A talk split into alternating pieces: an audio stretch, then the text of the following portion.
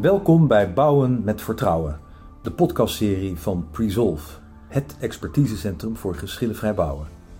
Mijn naam is Arend van Wassenaar en vandaag in onze achtste aflevering het verhaal van Hans Ruiter.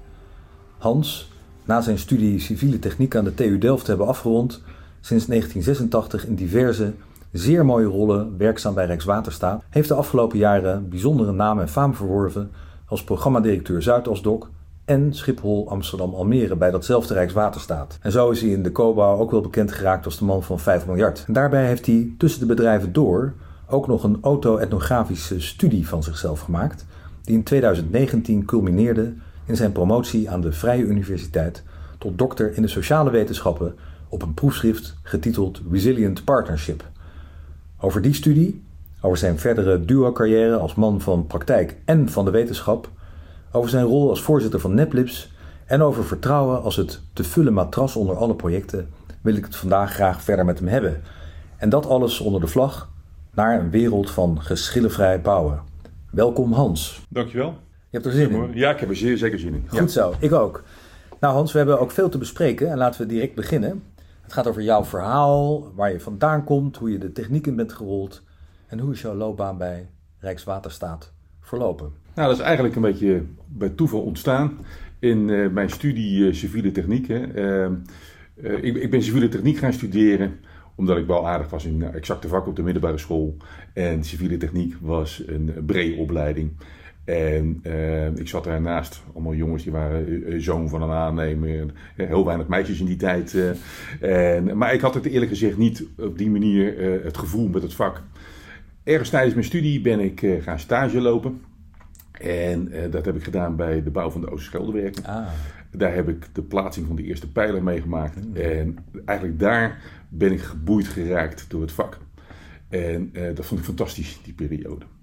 En uh, aan het eind van mijn studie was ik eigenlijk helemaal niet van plan om bij Rijkswaterstaat of zo te gaan werken. En ik zat in militaire dienst. En ik had me voorgenomen na de zomer te beginnen. Bij de, genie, bij de genie? Bij de genie, inderdaad. Ja, natuurlijk. Ja, ja, ja. En ik was me had me voorgenomen na, uh, na de zomervakantie serieus werk te gaan maken met, uh, met solliciteren. Maar vlak voor de zomer zag ik een advertentie staan bij Rijkswaterstaat Zeeland. het opzetten van het beheer en onderhoud van de Oosterscheldewerken. Ik dacht mezelf van, ah, goh, ja, schilderwerken, ja, toch erg leuk. En weet je wat, om te oefenen, laat ik alvast een, een brief sturen. Dan ga ik na de zomer het was serieus doen. ik werd uitgenodigd voor gesprek en uh, ik ben het geworden. Ik ben niet meer weggegaan. Mooi. Ja, dat is dus uh, 35 jaar geleden. Ja, het is wat, hè? Ja. Ongelooflijk. Ja, ja. En je hebt natuurlijk vreselijk veel geleerd in die periode, weet Ja, zeker. zeker. Ja. En, uh, en allerlei uh, functies en allerlei hoedanigheden meegemaakt.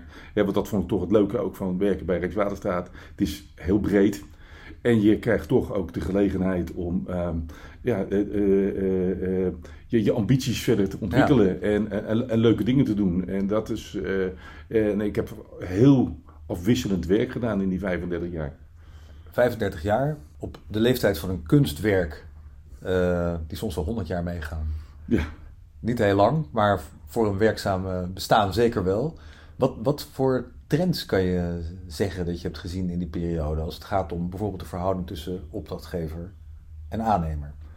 Ja, dat is ook een, een, een thema waar ik uh, in, in uh, je refereerde aan mijn, aan mijn onderzoek. En een van de eerste hoofdstukken in mijn proefschrift gaat ook over de ontwikkeling van publiek opdrachtgeverschap over de afgelopen 30 à 40 jaar. Ja. Eigenlijk parallel aan, aan, aan, aan, aan, aan mijn, mijn carrière bij Rijkswaterstaat. En ja, je ziet, toch, je ziet daar toch de nodige veranderingen.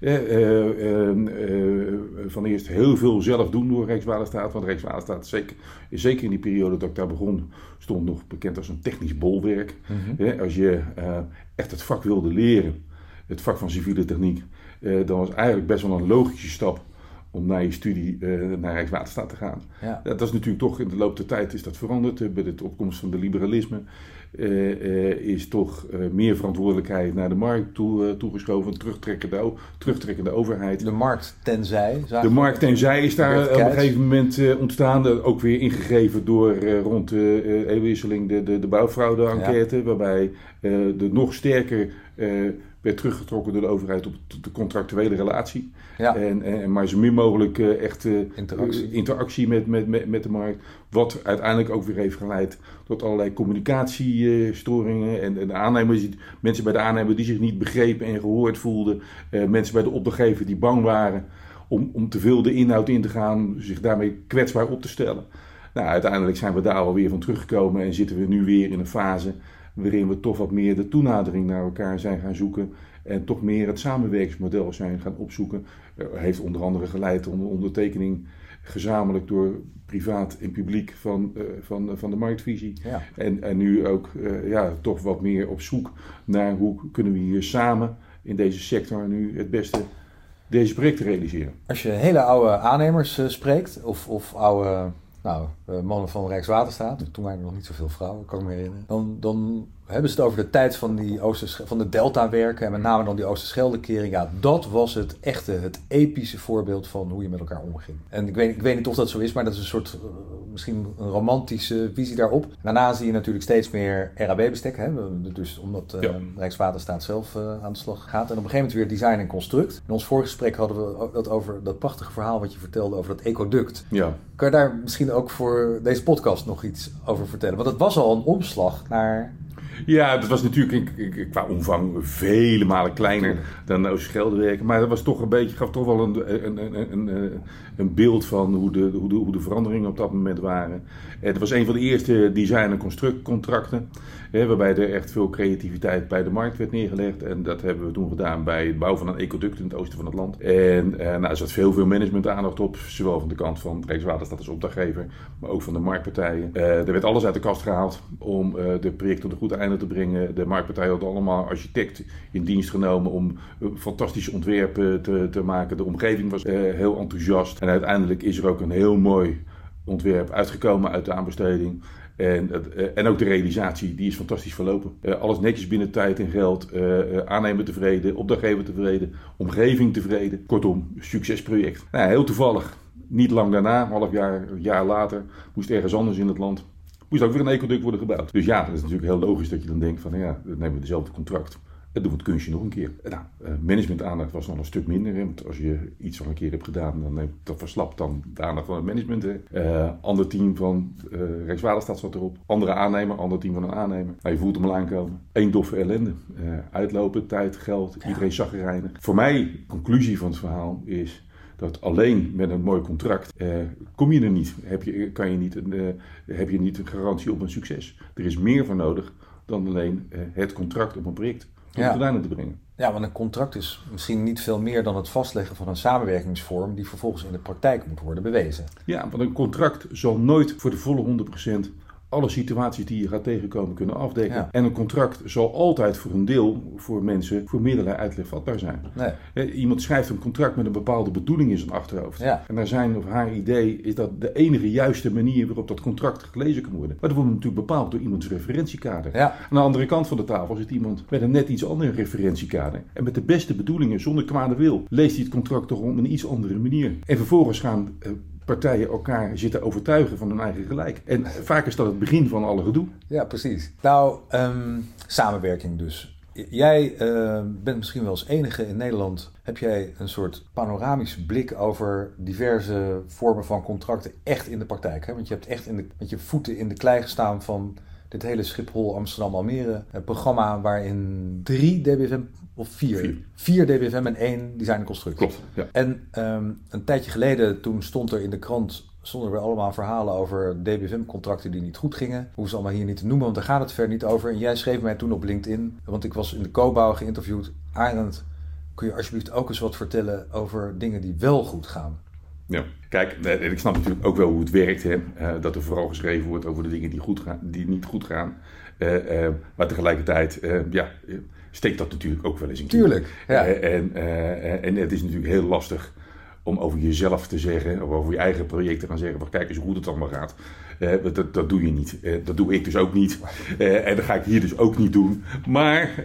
Wel een beetje hoop ik. Ja, ja goed. Want er zijn succesfactoren. Ze, ze zijn natuurlijk best goed ja. gegaan, die projecten. En uiteindelijk is het ook financieel en qua tijd goed gedaan. Ja. Dus in mijn ogen is een DBFM contract helemaal niet zo'n verkeerde contractvorm. Nee. Alleen ehm, eh, gaat het ook hier weer om hoe ga je er samen mee om? Ja. En eh, hoe geef je daar invulling aan? En, en natuurlijk, als het gaat om dingen wijzigen en dat soort dingen, is, eh, is het natuurlijk ook best een ingewikkelde contractvorm. Heel veel juridische rimram komt erbij kijken. En, eh, ja, en, dat, is, dat maakt het niet altijd even makkelijk. Maar tegelijkertijd, ja, zo heeft ieder contract wel weer wat. Ja, maar ehm, eh, dit, programma heeft jou op de een of andere manier geïnspireerd om te gaan promoveren. Ja. Toch? Want dat was pas in het programma. Of was je daarvoor? Nou ja, het is, het is, met, het eh, is, ik, ik, ik was ook voor eh, Schiphol Amsterdam Almere, eh, was ik al bezig met het onderwerp. Ik ben ook projectdirecteur geweest van Maaswerken. Ja, En daar eh, zijn we ook al tegen dingen aangelopen. Eh, daar moest bijvoorbeeld een, een, een, een, eh, een oude sluis worden gerenoveerd. En zeker bij renovatiewerken weet je één ding zeker. En zeker bij de, dat dingen die ook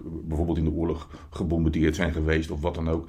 In, in de ondergrond, als je daarin gaat zitten rommelen, je gaat dingen tegenkomen die anders zijn dan gedacht. En eh, als dat zo is, dan heb je elkaar gewoon heel hard nodig Ja. om er samen uit te kunnen komen. Ja. Want dan heb je aan een contract wat gebaseerd is op de dingen die je aan het begin dacht te weten, heb je dan niet zoveel. nee. Dus eh, en, en, ja, en, eh, die samenwerking was dus heel belangrijk. En ook toen heb ik bij de, bij de aanbesteding al daar, ben ik daar al mee bezig geweest om zeg maar, de, de, de, de potentie tot samenwerken, om dat mee te laten wegen in de, de zoals we dat noemden, de, de MV-criteria, zeg maar de zachte criteria bij de gunning van zo'n van, contract. Vanuit de notie dat dat cruciaal is voor zo'n project. Nou, dat hele thema heeft me daarna dusdanig bezig gehouden dat ik ook eh, bij, bij SA eh, daarmee aan de slag ben gegaan. Want toen ik begon in 2012 bij Schiphol Amsterdam Almere, eh, hadden we de situatie dat we flink wat geld tekort kwamen.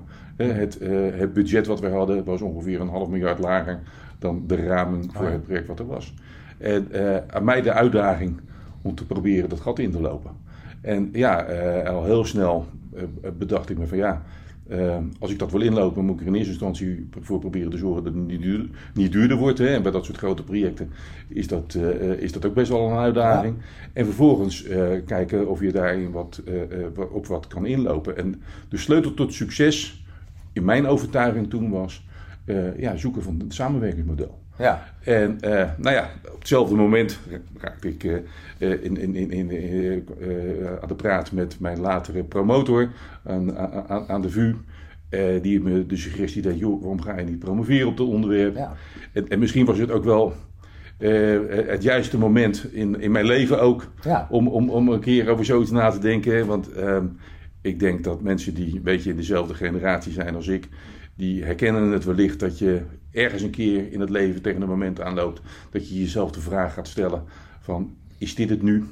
Wat wil ik nog meer? En dat, en dat, en dat, soort, en dat soort dingen. Ja, en op dat moment eh, eh, ja, eh, was dat aan de orde. En, Ja. ja, ik kwam dat op mijn pad. En juist het feit dat ik ben gepromoveerd bij sociale wetenschappen, een hele andere invalshoek dan de technische invalshoek van civiele techniek. Dat heeft voor mij wel heel veel meerwaarde opgeleverd. eh. Ja, want er is, er is in die sociale, hè, de culturele antropologie en zo, die Ja. zitten er ook, hangen er ook tegen. eh, Voor, voor mijn onderzoek, want ik, ik, herken heel erg wat je Ja, zegt. ja, dus ook een boek had geschreven. Die we schelen ongeveer evenveel als onze boeken aan elkaar. Eh, toen ben ik bijvoorbeeld aangelopen tegen het onderzoek van Karen Smits. ja. Over, ehm, over cultuur bijvoorbeeld Ja. op projecten. En Bij, welke bij, bij, projecten... bij, bij het Panama-kanaal eh, ging dat over. Precies, Want ja. zij, zij is gepromoveerd een aantal jaren voor mij Ja. eh, bij dezelfde afdeling. Dat bedoel ik. Ja, dus, Dus- dus voor mij heel herkenbaar dat, dat dat onderzoeksveld eigenlijk met, met zo ontzettend. En, en het grappige is, als je nou een technicus bent, zoals jij, een civilist, of ik ben een jurist. Wij, wij denken, wij, dus wij denk ik, denken heel vaak dat, dat onze discipline misschien wel alleen en zaligmakend is. Althans, Ja, nou ja kijk, het is, het is eh, bij mensen met een technische opleiding of meer een technocratische opleiding, zo zeg ik dat, probeer ik dat wel uit te leggen, die leren vanaf dag één dat er uit een moeilijke som maar één juist antwoord kan komen. Ja, En die manier van denken, die wordt er zodanig nou, ingeramd, zou ik maar, kan ik wel beter zeggen, dat vanaf, vanaf dag één, dat ehm, die van alles en nog wat wordt geprojecteerd. Dus ook bijvoorbeeld op hoe een contract gelezen kan worden. hè. Ja. En, eh, en, ehm, dat is maar één uitleg. ja, er is maar één, één uitleg mogelijk. Hè? De, de, de, eh, omdat er maar één juist antwoord op een moeilijke som kan Ja. zijn. Nou, bij sociale wetenschappen is er, eh, leer je dat er niet eh, sprake is van één eenduidige werkelijkheid, maar dat, eh, zeker als het gaat over dingen in het sociale domein, dus ook over samenwerken en dergelijke, is dat, je, dat de, de werkelijkheid iets is wat je sociaal construeert. Iets is zo wat jij en ik met elkaar afspreken Ja. dat het zo is. Die manier van denken zijn er dus ook over een bepaalde gebeurtenis meerdere ware waarheden naast elkaar eh, Ja. denkbaar. En die manier van denken, eh, zeker ook als je in discussie bent met een aannemer over, over, over, over incidenten en dergelijke, geeft zoveel lucht en ruimte. Eh, dat je daarmee ook de openingen voor jezelf creëert om, om eruit te kunnen komen. Maar wa- was het dan eigenlijk niet een vorm van thuiskomen? Dat, dat, want, want wat je me al vertelde over hoe je al, nou, hè, maaswerken. Eigenlijk dacht jij al zo, denk ik. Nou ja, voor een deel. Eh, en ik ben ook zeker, eh, is mijn denken ook wel verrijkt door eh, die, die periode, die vier jaar dat ik met onderzoek bezig ben geweest. Eh, maar voor een deel is het ook heel leuk geweest eh, dat, je, dat je, ja, op een gegeven moment ga je natuurlijk verdiepen in zo'n vakgebied. Je moet je echt helemaal, dus voor mij was het een nieuw vakgebied. Ja. Je moet je echt helemaal in inlezen en dat soort dingen. En dan vond ik het wel heel leuk dat je ook gewoon dingen tegenkomt. Je denkt van, goh, zit het zo in elkaar. Hè? Dan dat je, Ja. dat, dat je zeg maar, dingen in de praktijk al hebt ervaren, waar je dan later eh, eh, ziet dat het theoretisch eh, ook be- best nog wel ook nog klopt. Klopt. ja. En, en, nou, en dat. en ik bedacht me toen ook wel, goh, ja, als je nou net nieuwe student bent en je doet dit vakgebied, dan heb je die praktijkervaring heb je niet. Dan is dat, is dat natuurlijk ook best een handicap. Ja. En nou, voor mij was het in ieder geval heel leuk oh, dat die dingen op die manier ja, op zijn plek vielen. ja. En, ja. Maar vooral wa- wat je net zei over hè, dat, er misschien een enige waarheid is, dat je dat zo leert, of een, een uitkomst is nul en dan quolt Erald, Erald demonstrandum. Ja, of zo. die, ja, ja. QED staat eronder, dus is het zo. Ja. En ehm, terwijl, terwijl jij al lang wist en nu ook weet dat, dat er op één set feiten, dat je, dat je ziet waarnemingen, zo verschrikkelijk veel scenario's zijn met zoveel, Ja. on- ja, soms onbekende grootheden die erachter liggen. En die gaan dus vaak over gedrag en onvoorspelbaarheid. Ja. En menselijke ervaring. Een auto-etnografische, of etnografische, in jouw Ja, geval is auto-etnografische. Ja, in jouw geval auto-etnografische beleving. Ehm, ik heb toevallig net gekregen een prachtig tijdschrift, eh, want daar was ik op geabonneerd. International Journal of Project Management, waar ook weer een heel erg mooi verhaal, waar jij hebt meegeschreven, eh, staat over eh, vertrouwen als het matras dat, ehm, dat nodig is om het project eigenlijk te dragen, om het zo maar te zeggen. Kun je daar wat meer over vertellen? Ja, ja dat, dat verhaal, dat paper, dat borduurt feitelijk voort op, eh, Op je onderzoek. op mijn onderzoek in mijn proefschrift. En eh, daarin gebruik ik de metafoor van het matras voor het opbouwen van vertrouwen. Hè. En eh, die metafoor staat voor dat je samen in, in goede tijden het matras van vertrouwen vult om in slechte tijden, en bij ieder project ga je daar wel een keertje tegenaan lopen, Ja. eh, dan samen ook zachter kan vallen. Ja, je hebt, je hebt eh, in, dat, in dat artikel beschrijf je ook eh, alle workshops die zijn gegeven, Ja. de diverse projecten in, eh in Ja. SA, Ja. eh, die heel erg gingen over het verhalen vertellen eigenlijk. Ja. Kan, kan je daar iets meer over vertellen? Want dat vond ik echt prachtig Ja, die, om te die, die verhalen die zijn, die, die zijn eh, eh, cruciaal in de verandering die we bij SA hebben doorgemaakt. Want dat was het, het leuke ook van het promoveren. Want mensen stellen me wel eens de vraag van, joh, hoe, je hebt een drukke baan. Hoe, hoe is het nou mogelijk geweest dat je daarnaast hebt ja, kunnen promoveren? die vraag had ik, En- en- eh, en- was ik, zou, ja. zou ik zijn gaan stellen. Ja, maar, en, en, en, en die, eh, om daar antwoord op te geven eh, is dat het, ja, is voor mij mogelijk geweest om een win-win situatie te creëren. Hmm. Eh, eh, eh, SAA is mijn object van onderzoek geweest. En eh, dat betekende dus een onuitputtelijke bron van data. En, ik heb to- toegang eh, tot, tot alle niveaus, eh, zowel publiek als privaat. En dat is voor heel veel onderzoekers Ja. best wel een dingetje. Ja, Eh, de- bovenop de, de, de, toegang te krijgen tot al die mensen die hier doen. is dat, ja. En, en, dus, dus dat was voor mij de ene kant. Aan de andere kant kon ik dus alles wat ik tijdens mijn onderzoek ontdekte en leerde en dergelijke, kon ik ook direct weer in de, in de praktijk implementeren. Ja. En da- daardoor heb ik een win-win Oh, mooi. situatie kunnen creëren. Ja. En dat hele element van die verhalen is, daar, is daarbij een. want hoe kwam, hoe kwam je erop op die verhalen? Was Nou ja, kijk, waar, kwam je- dat uit jouw onderzoek en je kan- dacht, hé, dat... je, kan de, de, de, cultuur in een organisatie, een projectorganisatie of in een samenwerkingsrelatie, kan je omschrijven als ehm, de wijze waarop mensen eh, eh, zien wat er in een omgeving gebeurt. Dat interpreteren en daarover hebben met elkaar. Eh, bijvoorbeeld bij de koffieautomaat. Zo zullen de gesprekken bij de koffieautomaat in een zorginstelling over andere dingen gaan dan bijvoorbeeld bij een, financiële uh, instelling of een advocatenkantoor, om ja. dat te noemen. En uh, hoe mensen interpreteren wat er in een omgeving gebeurt, uh, wordt bepaald door een referentiekader. En de referentiekader wordt weer beïnvloed door dingen zoals uh, opleiding, eerdere ervaringen, opvoeding, uh, allemaal van dat soort uh, dingen. En als je ehm, dat referentiekader hetzelfde blijft, zullen mensen de neiging hebben om elke keer weer opnieuw wat er in een omgeving gebeurt op eenzelfde manier voor zichzelf uitleggen en daar het gesprek over uit. Als je dus realiseert dat die gesprekken cruciaal zijn voor de cultuur en de organisatie, cultuurdragers zijn van zo'n organisatie en je wilt dat veranderen zou je dus moeten richten op die referentiekaders. Je zou mensen, bij wijze van spreken, in aanraking moeten brengen met andere referentiekaders, zodat ze gaan denken van, goh, zo, kan ik ook tegenaan kijken, zo had ik ja. nog niet gedacht. Ja. En, nou, door dat bewust te doen, en die, uh, zeker als het gaat om om, dilemma's waar je, waar je in projecten altijd tegenaan loopt. Hè? Dingen die, situaties die anders zijn dan gedacht. Of waarvan je je afvraagt van, ja, wat ga ik nou doen? Ga ik nou het contract volgen of ga ik iets anders doen? Hè? Door nou al die dilemma's, om die uit te lichten, om die vast te leggen in de vorm van verhalen. En die verhalen ook te delen. En daar ook in, in, in, reflecties met mensen, daar zijn al die workshops en dergelijke ook voor bedoeld. zijn reflectiemomenten om juist stil te staan bij die dilemma's en de worstelingen die erbij horen. Ga je langzaam maar zeker, ga je uh, de referentiekaders van die mensen ga je oprekken, hmm. waardoor ze openstaan voor andere manieren van kijken. En langzaam maar zeker zie je ook dat de verhalen uh, over die dilemma's ook in een organisatie gaan veranderen. En daarmee ga je dus ook langzaam maar zeker de samenwerkingscultuur, of de, organisatie, eh, de cultuur in zo'n organisatie, langzaam maar zeker veranderen. Je doet het als het ware bottom-up. En dat is heel anders dan bijvoorbeeld cultuurveranderingstraject in een klassieke, een klassieke manier, waarin zeg maar, in de top van een organisatie iets nieuws wordt bedacht. Ja. Dat wordt uitgerold over de organisatie met een verandermanager, veranderteam en dergelijke erbij.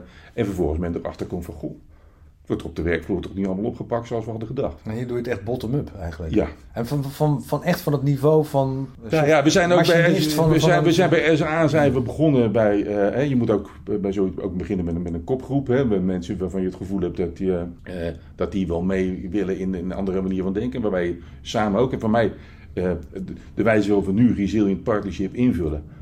is echt niet een, een vooropgezet plan geweest in alle details in het begin. Bij mijzelf is het ook gaandeweg gegroeid en ontwikkeld. Mijn eigen referentiekader is daarmee ook opgerekt en veranderd gedurende de hele periode. Ik, ben, ik ben onderdeel geweest van het hele, eh, van het hele proces. Ja. Uh, maar in het begin heb je toch een rudimentair idee. En je zoekt medestanders waarvan je denkt van nou, die gaan wel mee in dat idee. Die vorm, daarmee vorm je een kopgroep. En langzaam maar zeker ga je, eh, ga je daar steeds verder, uh, verder mee, mee aan de gang. We hebben bijvoorbeeld een van de onderdelen die we deden. Dat was bij medewerkersbijeenkomsten. Dan moet je denken aan zo'n iets van 120 eh, man hè, van SA. Aannemer en opdrachtgever? Nou, dit was dan alleen ja, opdrachtgever. Uh, opdrachtgever. En onze medewerkersbijeenkomsten.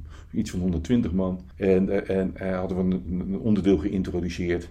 Dat deden we eens in de twee jaar in zo'n bijeenkomst. Onderdeel geïntroduceerd, dat noemden we de stoel. Naar uh, ja, Rick, Veld, ja. Rick Velderhof. Ja, ja precies. Ja. En, uh, en, en het was het idee dat uh, iemand voor de groep op een stoel zittend.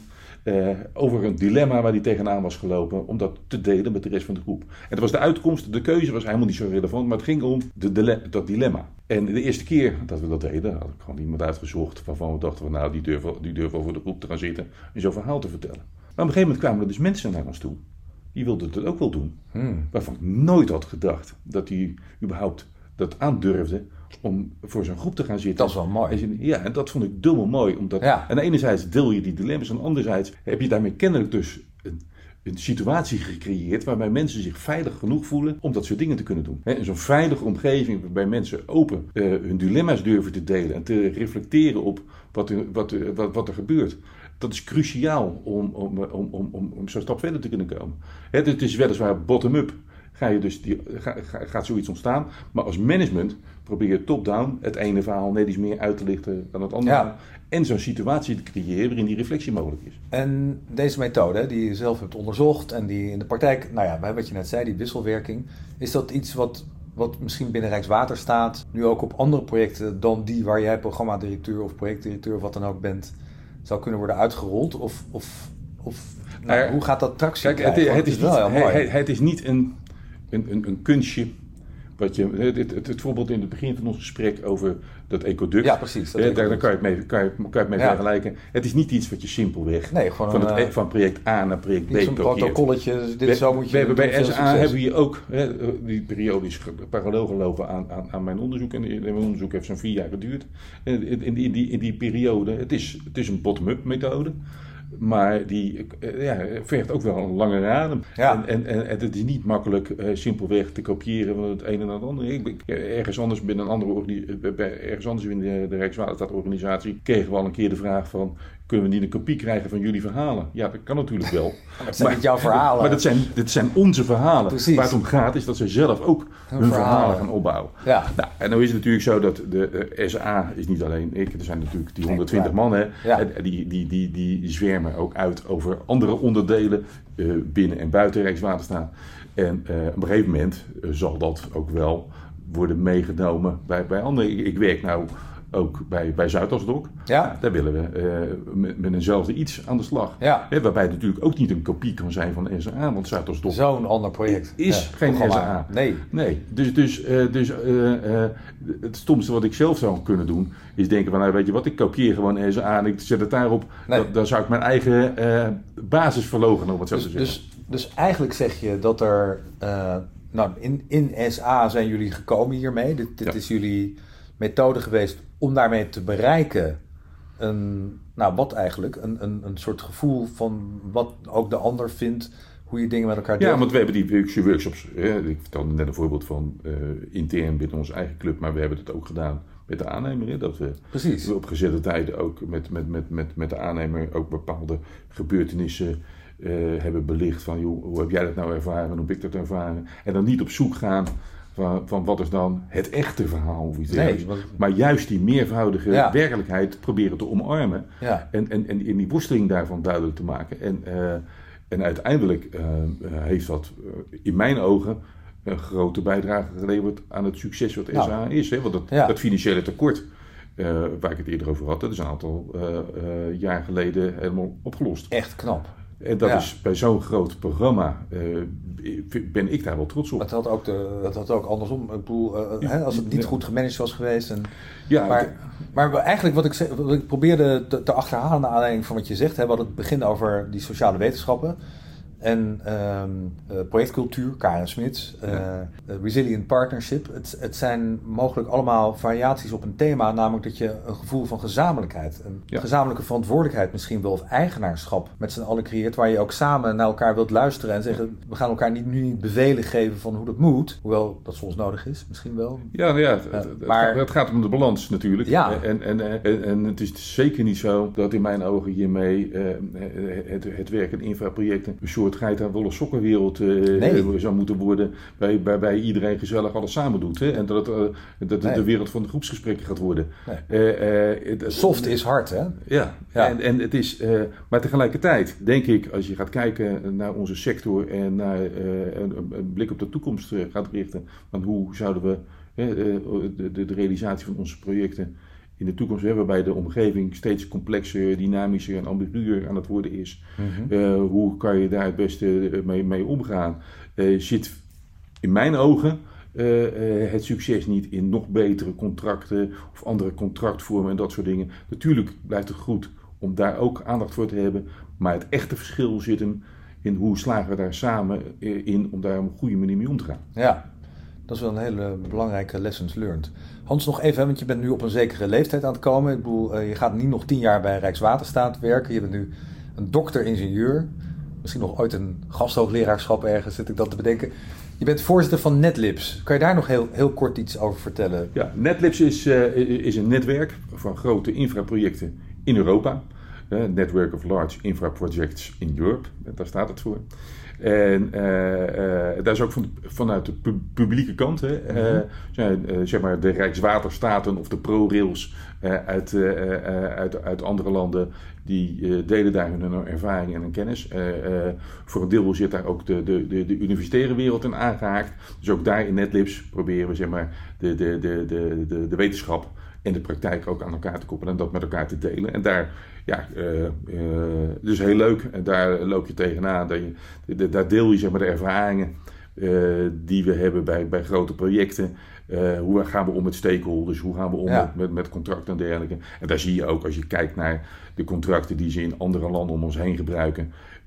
en dat afzet tegen hoe we dat in Nederland doen dan, dan uh, uh, hebben we dat in Nederland echt zo slecht nog niet voor elkaar. En, en, en zit, zit daar de crux niet in? En, en, en in sommige uh, onderdelen lopen sommige landen weer weer op en, en, en andere lopen wij weer weer op. Ja. En dat houdt elkaar ook wel redelijk in evenwicht, heb ik het, heb ik het gevoel. Ja. En het is, ja, je hebt het ook samen over de projectmanager van de toekomst. en waar, waar, waar, waar gaat nou de, de, de, de, de aandacht naar uit en dat soort dingen. En we zouden het leuk vinden als we wat meer uh, jonge mensen ook aan het netwerk kunnen, kunnen verbinden. Want zij hebben tenslotte de toekomst. Hè? ik, ik heb geen tien jaar meer bij Rijkswaterstaat om dit soort dingen te doen. Dus uh, wat we wel heel graag zouden willen is dat we proberen die ervaring en het gedachtegoed om dat ook wat meer te delen met de jonge generatie. Dat zou mooi zijn natuurlijk. Hè? Want ja, de boodschap wordt niet, uh, het wordt twee fases structuur en die gaat ons redden. Of resilient partnership en die gaat ons redden. Nee, uh, ook Resilient Partnership, hè, niet, alhoewel ik daar natuurlijk helemaal achter sta, achter dat succes.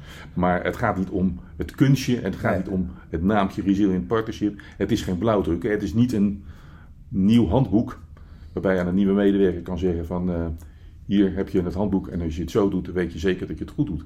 Uh, dat zou heel simpel zijn. En tegelijkertijd zouden we ons ook ons eigen vak daarmee enorm tekort doen mijn ogen. want juist omgaan met de, de, de, de werkwijze en de procedures en de regels die we hebben, maakt juist ook het verschil tussen uh, uh, goede professie en een minder goede professie. Ja. Dat is, ja, we denken toch ook het gevoel dat hetgene wat wij doen, dat we denken dat niet iedereen dat kan. En dat heeft hier wel mee te maken met dit soort dingen. In de vorige podcast uh, die ik opnam met Sander de Vevre, die vertelde over zijn ervaringen als onderdeel van een heel groot Turks concern, om het zo maar te zeggen, een familiebedrijf, Renaissance. En die zei, daar moet ik nu even aan denken naar aanleiding van wat je zegt, dat het met name deze Turkse eigenaar was die uh, vond dat mensen die zoals jij, uh, veel ervaring hebben, ongelooflijk hebben gezien, al die kanten hebben gezien van nou, wat belangrijk is om van een project een succes te maken. In ieder geval het falen te voorkomen. Het zou goed zijn als al die mensen toch wel weer op projecten gaan zitten en niet in hoge managementfuncties. Als ik dat nu, als, als, als ik, daar moet ik even aan terugdenken naar aanleiding van wat je zegt, want ik zie hier voor me met al deze ervaring. En ja, het zou toch, je hebt het over jonge projectmanagers en die moeten er ook zijn, maar in ons voorgesprek hadden we het er ook over dat die, en daarnet trouwens ook al, dat die meestal al denken wat de waarheid is, want dat hebben ze geleerd. Ja. Maar jij weet dat het de waarheid niet is. Dus moet je toch ook niet die balans, balans hebben tussen oud en jong, die diversiteit. Jawel, dat denk ik ook. Nee, dat is, uh, juist, ook, eh, zoals bij heel veel dingen in het leven, is hier ook uh, balans natuurlijk ook, ook cruciaal. En ehm, ik, ik, denk nog steeds, op basis van mijn ervaring, dat ik iets te brengen heb. waar ook de jonge generatie wellicht wat aan zou hebben. Tegelijkertijd wil ik ook openstaan voor uh, de ideeën en, en, en ambities van, juist van de jonge uh, generatie. En juist die wisselwerking maakt, het, maakt, het, denk ik, maakt het denk ik goed. Hè? we hebben natuurlijk een ontwikkeling gehad. vanuit het verleden, het verhaal begon ook over de ontwikkeling van Rijkswaterstaat in die afgelopen 35 jaar. Nou ja, toen was natuurlijk Rijkswaterstaat ook een heel erg technisch bolwerk. Ja. Nou, op een gegeven moment zijn we erachter gekomen dat, dat er ook andere takken van sport nodig zijn om ook binnen de samenleving, hè, ook een afspiegeling van de samenleving eh, te hebben, om, om ons werk op een goede manier te doen, ook ten dienste van de samenleving. Uh, en ook, maar ook daar gaat het om de balans. Hè, want het is niet goed om helemaal geen technische achtergrond meer te hebben. Hè, dus, dus in die zin uh, te, te, is nooit goed. Nee. Hans, ik, we komen langzaam maar zeker aan het einde van het zeer boeiende gesprek. Dat we, wat mij betreft, nog wel uren zouden kunnen volhouden. Waar het niet dat we alle twee weer afspraken hebben. En en, en, en ook andere dingen moeten doen dan het praten over dit soort buitengewoon belangrijke onderwerpen. Zijn er aan het slot nog één of twee of drie boodschappen, lessen zo je wilt, die je aan de luisteraars van deze podcast zou willen meegeven? En dan in antwoord op de vraag: wat is er nodig om projecten, ik noem het dan maar even, geschillenvrij te laten verlopen? Wat is daarvoor het belangrijkste, denk jij? Nou, ik ga hier natuurlijk niet het ei van Columbus lopen verkondigen. En, uh, uh, maar als er één ding is wat ik zou willen meegeven is dat we eh, met z'n allen, en je zegt het nu zelf, hebben we straks weer een andere afspraak. We zijn zo druk met z'n allen bezig met de waan van de dag. En het doen van alle dingen die we zouden moeten doen en dergelijke. Dat we onszelf te weinig tijd gunnen, in mijn ogen, om te reflecteren. Wat gebeurt er nou eigenlijk? Ja. En welke betekenis kan ik daar aan geven? Wat betekent dat voor mijn handelen in de toekomst? want hoe meer tijd wij kwijt zijn met uh, verantwoorden van de dingen die gebeurd zijn en, en, en, terugkijken, hoe minder tijd wij hebben om vooruit te kijken en, en, en, en, en te kijken hoe zouden we de dingen echt beter kunnen doen. Dus meer tijd voor reflectie, ondanks alle drukke bezigheden die we met z'n allen hebben. Dat zou ik als een wens voor de toekomst willen uitspreken. Nou, mooi Hans. Heel veel dank hiervoor. Ik vond het een erg mooi en inspirerend verhaal. En ik heb er heel veel van geleerd. En de luisteraars vast ook. Ja, nou, dankjewel voor de gelegenheid voor dit gesprek. En ik heb het ook erg leuk gevonden. Fijn. Luisteraars, dit was aflevering 8 van Bouwen met Vertrouwen. De podcastserie van Presolve, het expertisecentrum voor geschillenvrij bouwen. Ik sprak met Hans Ruiter, programmadirecteur Zuidas Dok en Schiphol Amsterdam Almere bij Rijkswaterstaat. En deze podcastserie is te beluisteren via Apple en Spotify, waar je zich hier ook op kunt abonneren. We zien of horen u heel graag terug bij een volgende aflevering.